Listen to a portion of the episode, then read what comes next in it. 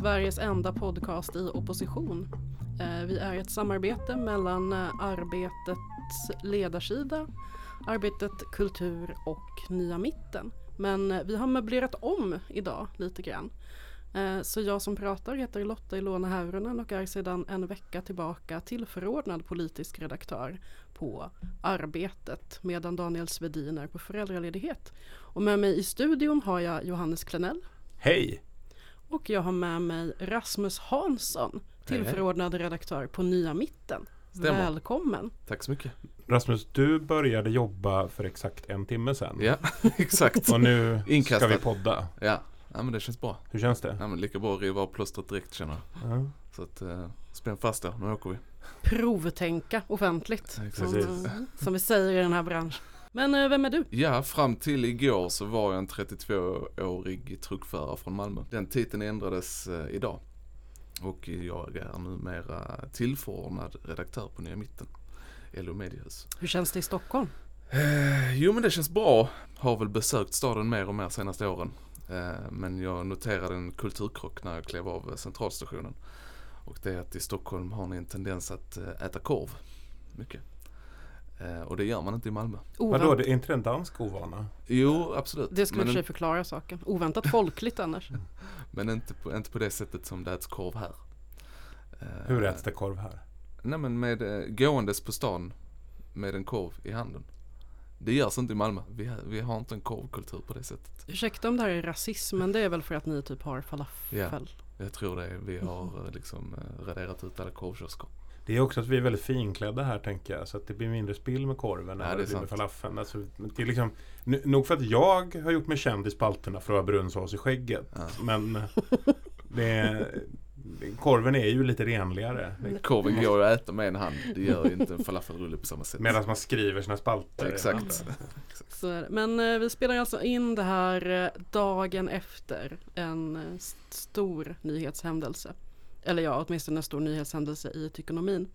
Eh, Johan Ingerö som är eller var, fram tills igår, det är många jobbbyten just nu. Fram mm. tills, mm. fram tills igår var han eh, Kristdemokraternas partisekreterare. Lämnade med omedelbar verkan efter att eh, har blivit polisanmäld för ofredande. Direkt efter att det blev offentligt med Ingera och Ingera uttalade sig själv så uttalade sig också Sara Skyttedal och skrev att hon har polisanmält en partikollega. Det känns som en röd tråd många har dragit per automatik. Mm. Det är Expressen-artiklarna som nämns ju bådas namn samtidigt. Mm. Det är lite svårt att inte föra ihop det här eh, med varandra. Vad kan man säga om detta?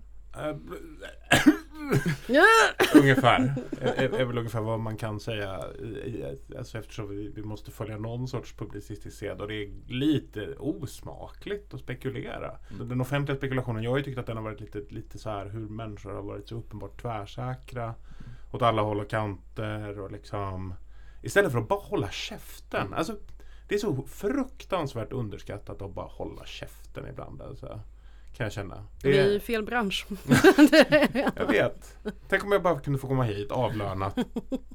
Sätta armarna i kors, titta in i dataskärmen och bara vara tyst. Men eh, Rasmus, känner du att det här är ditt tillfälle att pressa fram din första åsikt på jobbet? Kastas in i hetluften direkt. Nej jag vet inte, alltså det jag reagerade på mest var väl efterspelet liksom när man följde liksom vad folk skrev på Twitter och så. Det var ju inte så nice riktigt. Eh, alla spekulationer och eh, ställningstaganden som gjordes.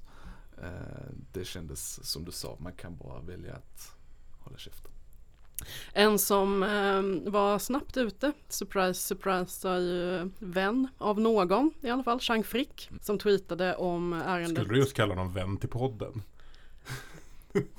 Men jag det vet lät som att du var på väg Ja, nej, men jag funderade på det. Men sen, men sen insåg jag att, uh, att jag ju inte har på fötterna för att säga det än. Men uh, Chang Frick tw twittrade följande. Jag tror inte för en sekund att Johan Ingerö kladdat på Skyttedal. Främsta skälet är att det går inte supa henne snygg. Bortsett från det väntar inte en normal vuxen människa i nio år på att anmäla brott. Förmodligen något bitchigt spel som pågår i bakgrunden. Jag, jag, är fel person att uttala mig här. Jag kommer, men, men, men var mannen som kommenterar någons utseende här. Man måste väl ändå objektivt bara kunna konstatera att Sara Skyttedal är hyfsat normsnygg. Alltså så, det, det är väl liksom, hon har väl ett normisutseende. Så att jag förstår inte riktigt Changs första invändning här överhuvudtaget. Alltså, kan du förklara för mig Lotta, vad menar han? Det, det finns ju eh, 37 000 eh, brasklappar som man som, som kvinna blir jättetrött på varenda gång eh, den här typen av samtal ute i media. Eller och åtminstone aktualiseras att så här, ja men bla bla bla, det är faktiskt jättevanligt att kvinnor, eh, nu vet vi såklart inte vad som har hänt i det här fallet, men det är jättevanligt att kvinnor håller inne med sånt här i Mm. nio år eller längre. Och så vidare och så vidare. Men det som jag tycker är intressant med det här är ju liksom att det är en inkastad fräck och fricks take som ska få folk att bli upprörda. Men resonemanget går ju liksom inte ihop. Dels i relation till Sara Skyttedals normsnygghet mot Johan Ingerös, vad han nu än ser ut som.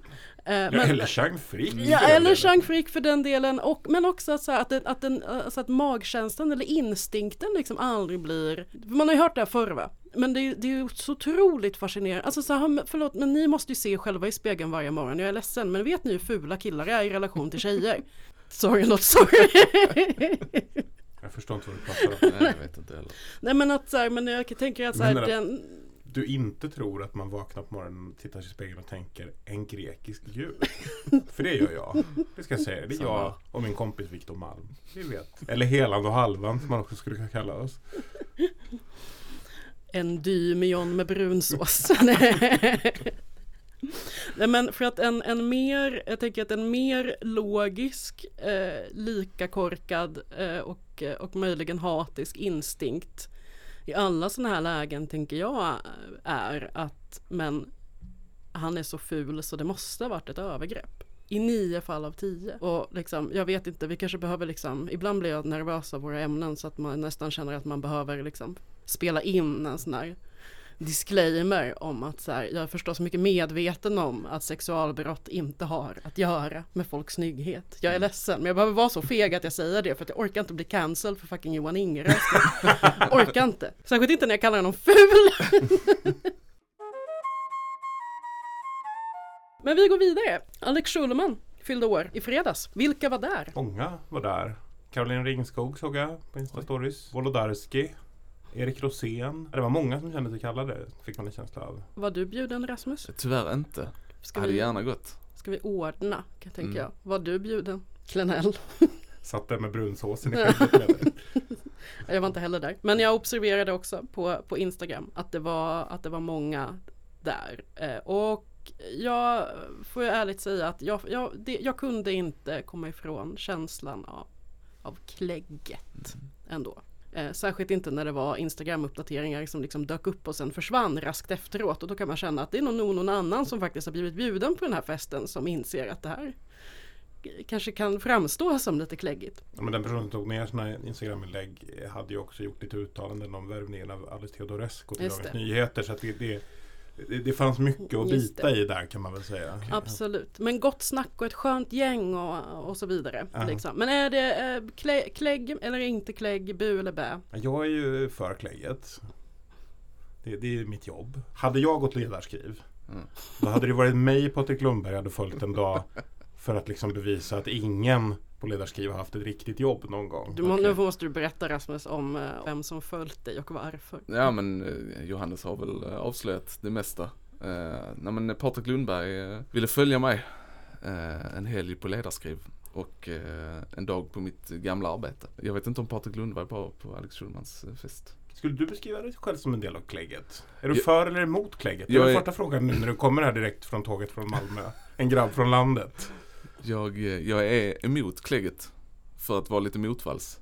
Mm. Behöver lite liksom eh, dissonans i podden. Mm. Ehm, men jag, jag bör väl sakteliga bli en del av det. Tyvärr. Det är nu det börjar. Eh, det är Den så här det är så här det kändaste börjar. människan du känner. Johannes Klenell. Nej jag vet inte.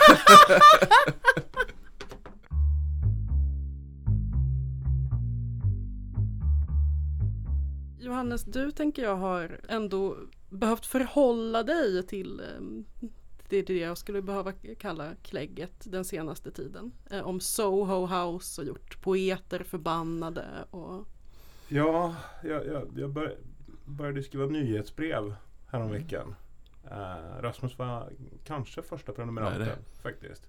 Stort. Eh, Jäkla mycket fjäsk från dig mot en, mot en viss eh, här. Jag, valde att välja sida. ja. Ja. För att. Daniel, Daniel vara borta så jag tänkte att då är det viktigt att jag håller god relation till Johannes.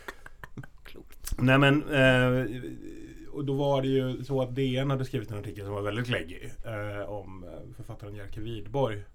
Eh, är det någon som har läst Jerker Widborg här? Eh, nej men jag har träffat honom på ett mingel i Almedalen. Mm. Eh, och jag har sett honom storma ut genom köksdörren till Villa Manilla, Bonniers villa ute på Djurgården en gång. Tror eventuellt att jag kan hälsa på Jerker Widborg någon gång genom åren. Så, vi är båda man, män of börd.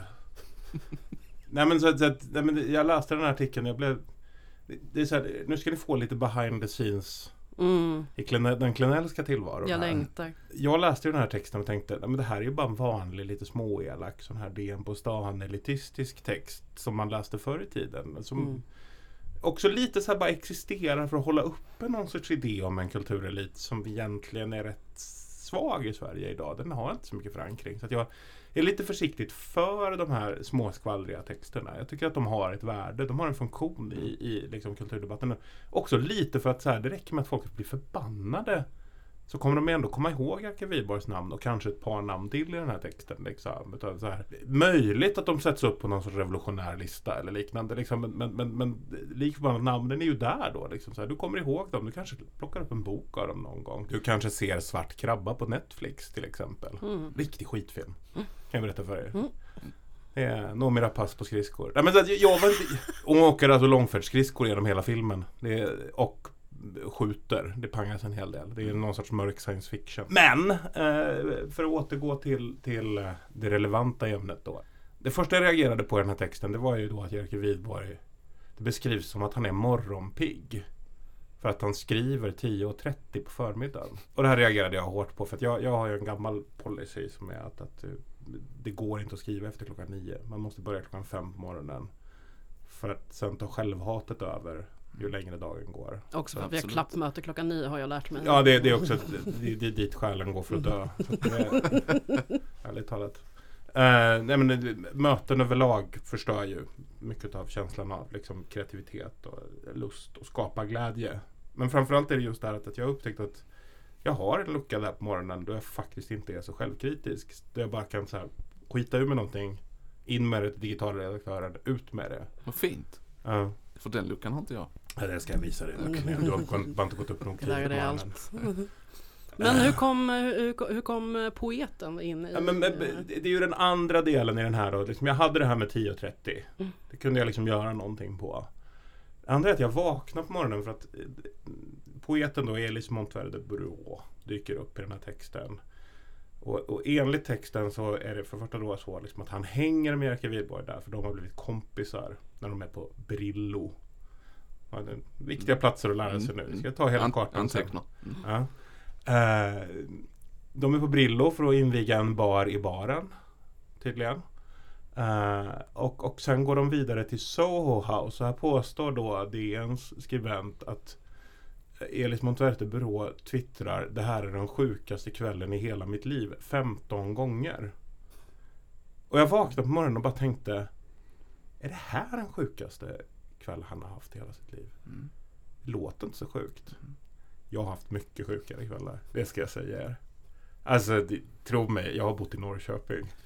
Det, det, det går att ha jävligt mycket sjukare Stora kvällar. frågan är om du har festat på Rockbageriet i Finspång Nej, men det låter riktigt, Mm, riktigt ska jag berätta sjukt. för dig en dag Klenell. Ja. Liksom, Det är ju ingen här som petar i sig liksom fyra droger som drar åt fem olika håll. Eller liksom, alltså, så här, det händer ju ingenting märkligt Mm. egentligen. De går till det här Soho House. Liksom, dit Jens Liljestrand går för att känna sig normal. Vilket också är bland det sjukaste jag hört. Nej, men så att jag vaknade bara med det här, liksom, så här, jag måste prata med er liksom, det här. Jag, jag har aldrig träffat Elis Byrå, men, men jag tycker ändå att vi kulturmän har ett ansvar. Vi kan inte hålla på sådär.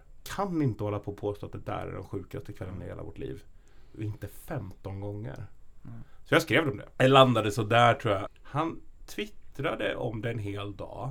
Han instagrammade om det på tre olika konton. Där han också parallelldelade med sig det han hade twitt- liksom lagt ut på ett instagramkonto på sitt andra konto. Alltså så här, som att han liksom ville få det att framstå som att det pågick någon sorts folkstorm mot det här. Fast bara från hans egna konton. Alltså en, en påverkansoperation kan man säga. En klassisk påverkansoperation från en poet. Så jag tänkte så här, ja, nej, men, ja nu har man en kulturfejd här då. Mm. Vad handlar kulturfejden om? Jo, ett. Huruvida Elis Montverde Byrå har twittrat en eller 15 gånger. Mm. Det här är den sjukaste kvällen i hela mitt liv. Två. Det handlar om huruvida Elis Montverde Byrå gjort det här från Soho House eller ej när han har sett Per Lernström. Tre. Det handlar om vad som är coolt egentligen. Mm. Inget i det här låter coolt. Men det är en jävligt bra kulturfejd. Jag har inte varit med om någon så här, en så här bra kulturfejd sen Daniel Suhonen och Juholt inte dök upp i Aftonbladets monter på Bokmässan. Man får ju, men alltså som, som en som sitter lite på, på, på bänken och skådar in, eh, inte av fri vilja utan för att ingen någonsin bjuder in mig själv, eh, så, så framstår ju det här som, eh, som ett storm, som, en, som en stor storm i ett, i ett lite smetigt eh, vattenglas. Eh, liksom det var stor glädje i Alex Schulmans vattenglas. Mm. Eh, men, och, och, och, men, och det som fascinerat mig är ju framförallt vilket att, att folk, folk har verkligen gått igång på det här ändå. Mm. Så frågan, följdfrågan på det här är det så här, är inte grejen då bara att folk, alltså även i relation till DN-texten, att folk bara typ verkligen älskar skvaller om it-människor? Men det är klart att det är. Och, det, och jag tycker inte att det där är Det är ju inte jag som är en man av folket här, det är Rasmus. Mm. Eh, så jag tycker att det där är helt okej. För att jag tycker att det ändå är med och lägger en solid grund för vilka man ska skvallra om överhuvudtaget. Alltså så, och jag tycker inte det är fel att kultursidor publicerar artiklar som gör folk på lite dåligt humör över vilken elit, töntig elit vi har där uppe. Jag är ganska för hela den utvecklingen. Jag, jag tycker inte att alla texter som är på en kultursida bör vara skintorra recensioner utav litterära mästerverk. För att av, skrivna av experter som inte kan formulera en rolig mening överhuvudtaget. Utan det måste få svänga lite. Det måste få vara lite så här lattjo och lite konstigt och lite internt. Jag älskar interna texter. För de får en, ger en en känsla av att det finns något litet universum där som man kan titta in i på något sätt. Och, för det andra, det är ingen jävel som läser det där andra. Jag kom, alltså Mikaela Blomqvist gick ut och skrev förra veckan en text som handlade om att man borde skriva mer om, mindre om sig själv och mer om litteratur på kultursidorna. Mm. Och det var jättemånga som liksom Oh ja, ja! Det här är vad jag har saknat. Och så börjar man liksom gå igenom vad är det du har delat på din Facebook-sida från kultursidorna det senaste året. Och då är det ju bara de här jävla texterna som handlar om om det är rätt med otro eller liksom alltså så, li, lite funderingar kring det. Det, det. det är det enda folk delar och läser, även de här som påstår det där. Men de säger gör det då med att de tycker att det är upprörande att det här skrivs på kultursidorna. Men sluta prata om dem då. Börja prata om de där fina liksom, litteraturrecensionerna. Om ni tycker att det finns en annan liksom, Platons idékultursida där ute som är så jävla bra på allt. det är ju en självförstärkande ekonomi det där tänker jag. Mm. Liksom. Alltså, och den har alla ingredienser för, att- för att kunna vara det. Jag tvivlar å det starkaste på att, på att eh, man kan komma ifrån det. Men som, som människa som, som inte har något eh, klägg att luta mig mot tänkte jag att som, så tvingas jag till att faktiskt läsa böcker. Så jag, jag läste det här i, i helgen. Du menar till Eh, skillnad från mig som är någon sorts naturbegåvning. Exakt. Exakt. Eh, vi- knegare måste arbeta oss till alla positioner vi har. Vi vaknar inte på morgonen och bara ser Adonis och inser vår egen briljans. Många av dessa åsikter i New York tycktes vara avsedda som uppfriskande omarbetningar, djärva tillrättalägganden av de åsikter som varit i ropet förra veckan. Men eftersom jag nyligen hade fallit ner från himlen tyckte jag det var svårt att skilja på vilka åsikter som var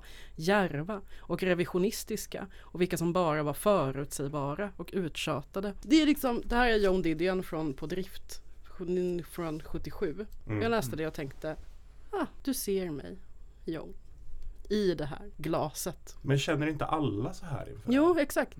Det är klart, det är därför det är bra skrivet. Men, eh, men lite tröttsamt, om du frågar mig. Med klägget eller med det John Didion säger? Med klägg. PR-branschen.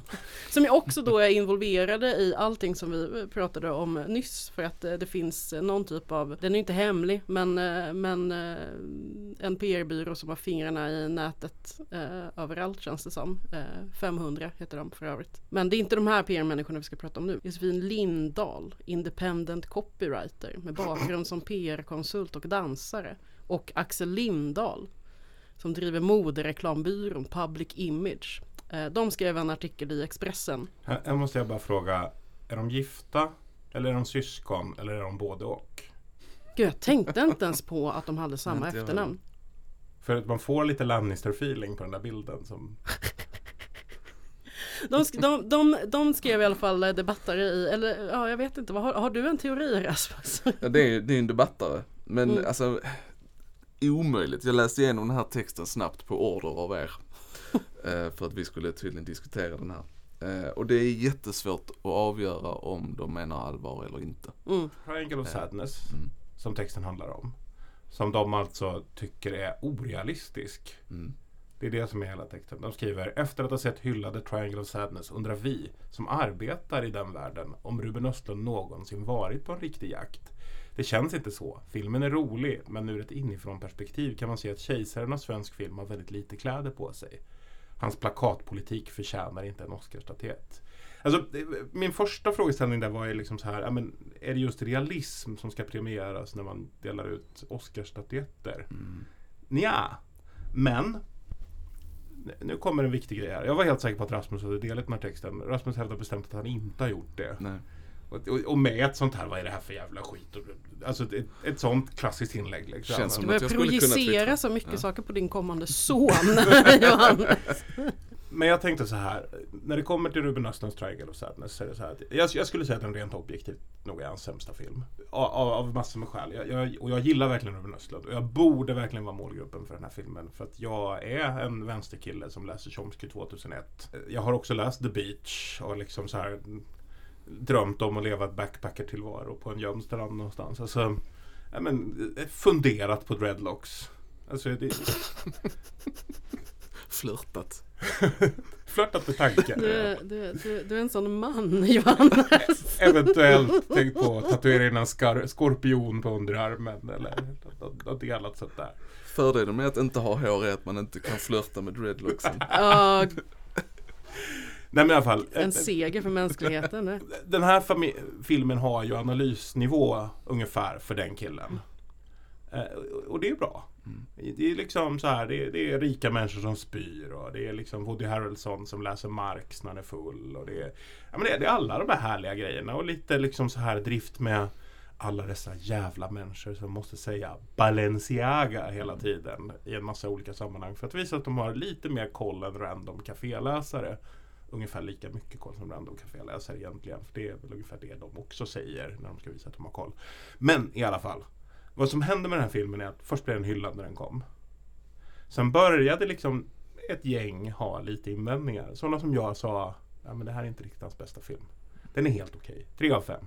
Det är ett jävla skitbetyg. Det ska sägas. Det är det värsta som kan hända en som kreatör. Att man är så intetsägande att man får tre av fem. Det är bättre med en etta. Då är i alla fall någon som har känt någonting. En trea signalerar att man inte kände någonting riktigt. Ruben Östlunds producent kallar Jakob Lundström, filmkritiker på DN, för tönt. För att han ger just filmen en- en sketen trea. De hämnas på Jakob en gång till genom att Ruben pekar ut honom i en biografsalong och tvingar upp honom att ställa sig upp inför hela publiken. Där Ruben ska lära publiken hur man ska bete sig på bio.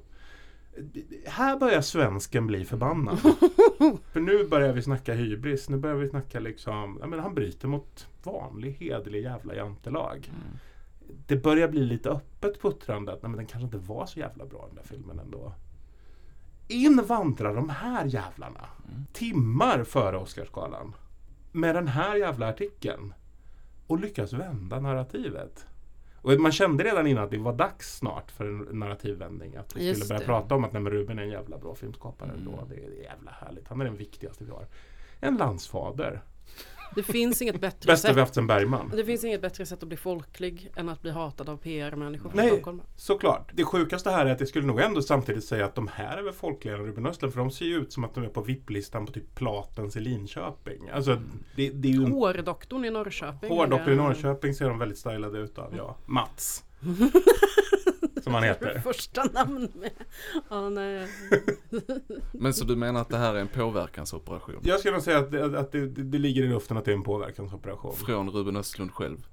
Hans Alternativt den här, den här PR-byrån Ja. 500 då, som är de som Som sköter PRn för den här filmen. Jag säger som sagt att de har fingrarna med i smeten Mm. överallt. För, för okej. hur kan det komma in två personer som för det första då eh, någon sorts oklara Lannisters. Ja, men stylade som att de ja, men är en estet och en mediegymnasist som har liksom börjat satsa på PR. Eh, någonstans på vägen. Nej, men det, det är liksom så här, det, det är väldigt också oklart vem det är här som skulle kunna sparka neråt egentligen. Är det dem eller han? Är det dem eller han? Väldigt, väldigt oklart. När man tänker efter, men det gör man inte. Man känner i bröstet. Man blir förbannad för det står att de är PR-konsulter.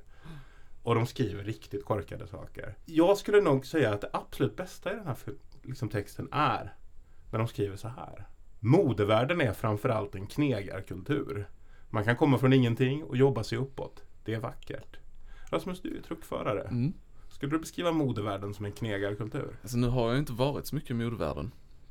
Men, Men om vi sätter den i relation till eh, transportbranschen som jag kommer ifrån så skulle jag nog säga att transportbranschen är lite mer kneg i alla Det- fall. Det, är en känsla jag har. Jag vet inte om, om jag kan härleda den någonstans. Eventuellt på marginalen. Ja, exakt. men det är lite som när det var demonstrationer. Jag vet inte om det var vid Bonniers monter på Bokmässan något år. Och Paolo Roberto skulle komma fram för att han skulle lansera sin kokbok. Och de säger, nej men de har gjort det här mot sina lagerarbetare. Mm. Och då säger han, ja men släpp fram mig, jag är också arbetare. Jag har jobbat jättehårt med den här boken. Sant, kanske. Vet inte om det är så det funkar dock. Men alltså, men, men är det så, här, allt, allt kokar väl ner till, till, till sellouts, till höger och vänster. Alltså att, att liksom folk, folk är det och folk vill vara det. Lite snabbt språng där skulle jag säga. Det intressanta här är väl just, finns ju ett, ett sorts vänsterbudskap i, i Östlunds film. Ja, Som de också slår ner på. De skriver att problemet är att en influencer, en oligark aldrig skulle finna sig på samma charterbåt. Och det är liksom ett problem med filmen. Det är inte riktigt det som är problemet med den här filmen. Alltså, det är liksom så här everything, everywhere, all at once. Det är liksom scener där folk har korvar till händer. Och den var ändå nominerad till massor med Oscars. Så det, liksom, det, det, det kan ju inte vara realismen som är problemet. Problemet med, med, med, med, med film som jag kände var väl snarare att jag tyckte att det var ett ganska klyschigt och plakatigt budskap som samtidigt serverades för den här målgruppen. Som både vill ha vänstersympatierna och influencerpengarna ja och kulturcredden. Mm. Och det är där någonstans jag kände att den här filmen brast. För det var väldigt oklart. Den positionerade sig egentligen inte tydligt mot någonting. Jag förstod inte riktigt vart jag var och för vem det här gjordes. För jag borde ha varit målgruppen. Jag borde ha släppts in här. Jag hörde ett fantastiskt rykte om att Ruben Östlunds nästa film skulle handla om eh, hur dålig världen blir av att vi tittar och tittar ner i våra skärmar hela tiden. Jag har ingen aning om det är sant eller inte. Men, men, eh, men jag, skulle, jag skulle inte bli förvånad om det liksom är en sån trilogi han jobbar på just nu. De platta budskapens eh, triptyk. Ja. Nej men då, det är så här, jag är ju inte någon som bangar för lite gammal god plakatpolitik. Mm. Men, men det här är ju lite som när Navid Modiri försökte säga till mig att han visst var vänster för att han hade läst Chomsky 2002. Det gjorde alla killar då. mm.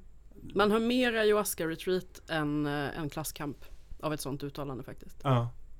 ja men då, lite så är det. Hur kändes det här Rasmus? Nej, men jag, jag har varit uppe sedan fem i morse. Eh, så att eh, ni får ursäkta om det inte blev så mycket åka av. Eh, från min sida. Jag är Lite mör i huvudet. Menar du att du har mer att ge? Jag har nog mer att ge vid, eh, om jag ges bättre ehm, förutsättningar. Eh, En- hoppas jag. En, en, en, en, en du- halvtimme. En och en halv timme efter att ha sett en man äta en korv på Stockholms centralstation och blivit skakad. Förändrade mitt liv i grunden. Men jag vill också säga en sak, att där jag växte upp i Oxie, där, där hade jag en triangle of happiness. Som var en kulle, en liten damm och en liten eh, dunge med skogsporr. Det var min triangle of happiness. När jag var liten. Om Ruben Östlund hör det här så tror jag att det finns en ganska bra film här. Mm. Det känns som lite av en uppföljare till Gitarrmongot någonstans. Mm, absolut. Eller ett Patrik Lundberg-reportage. Absolut. Ett uppslag i DN. Jag går och letar skogsporr.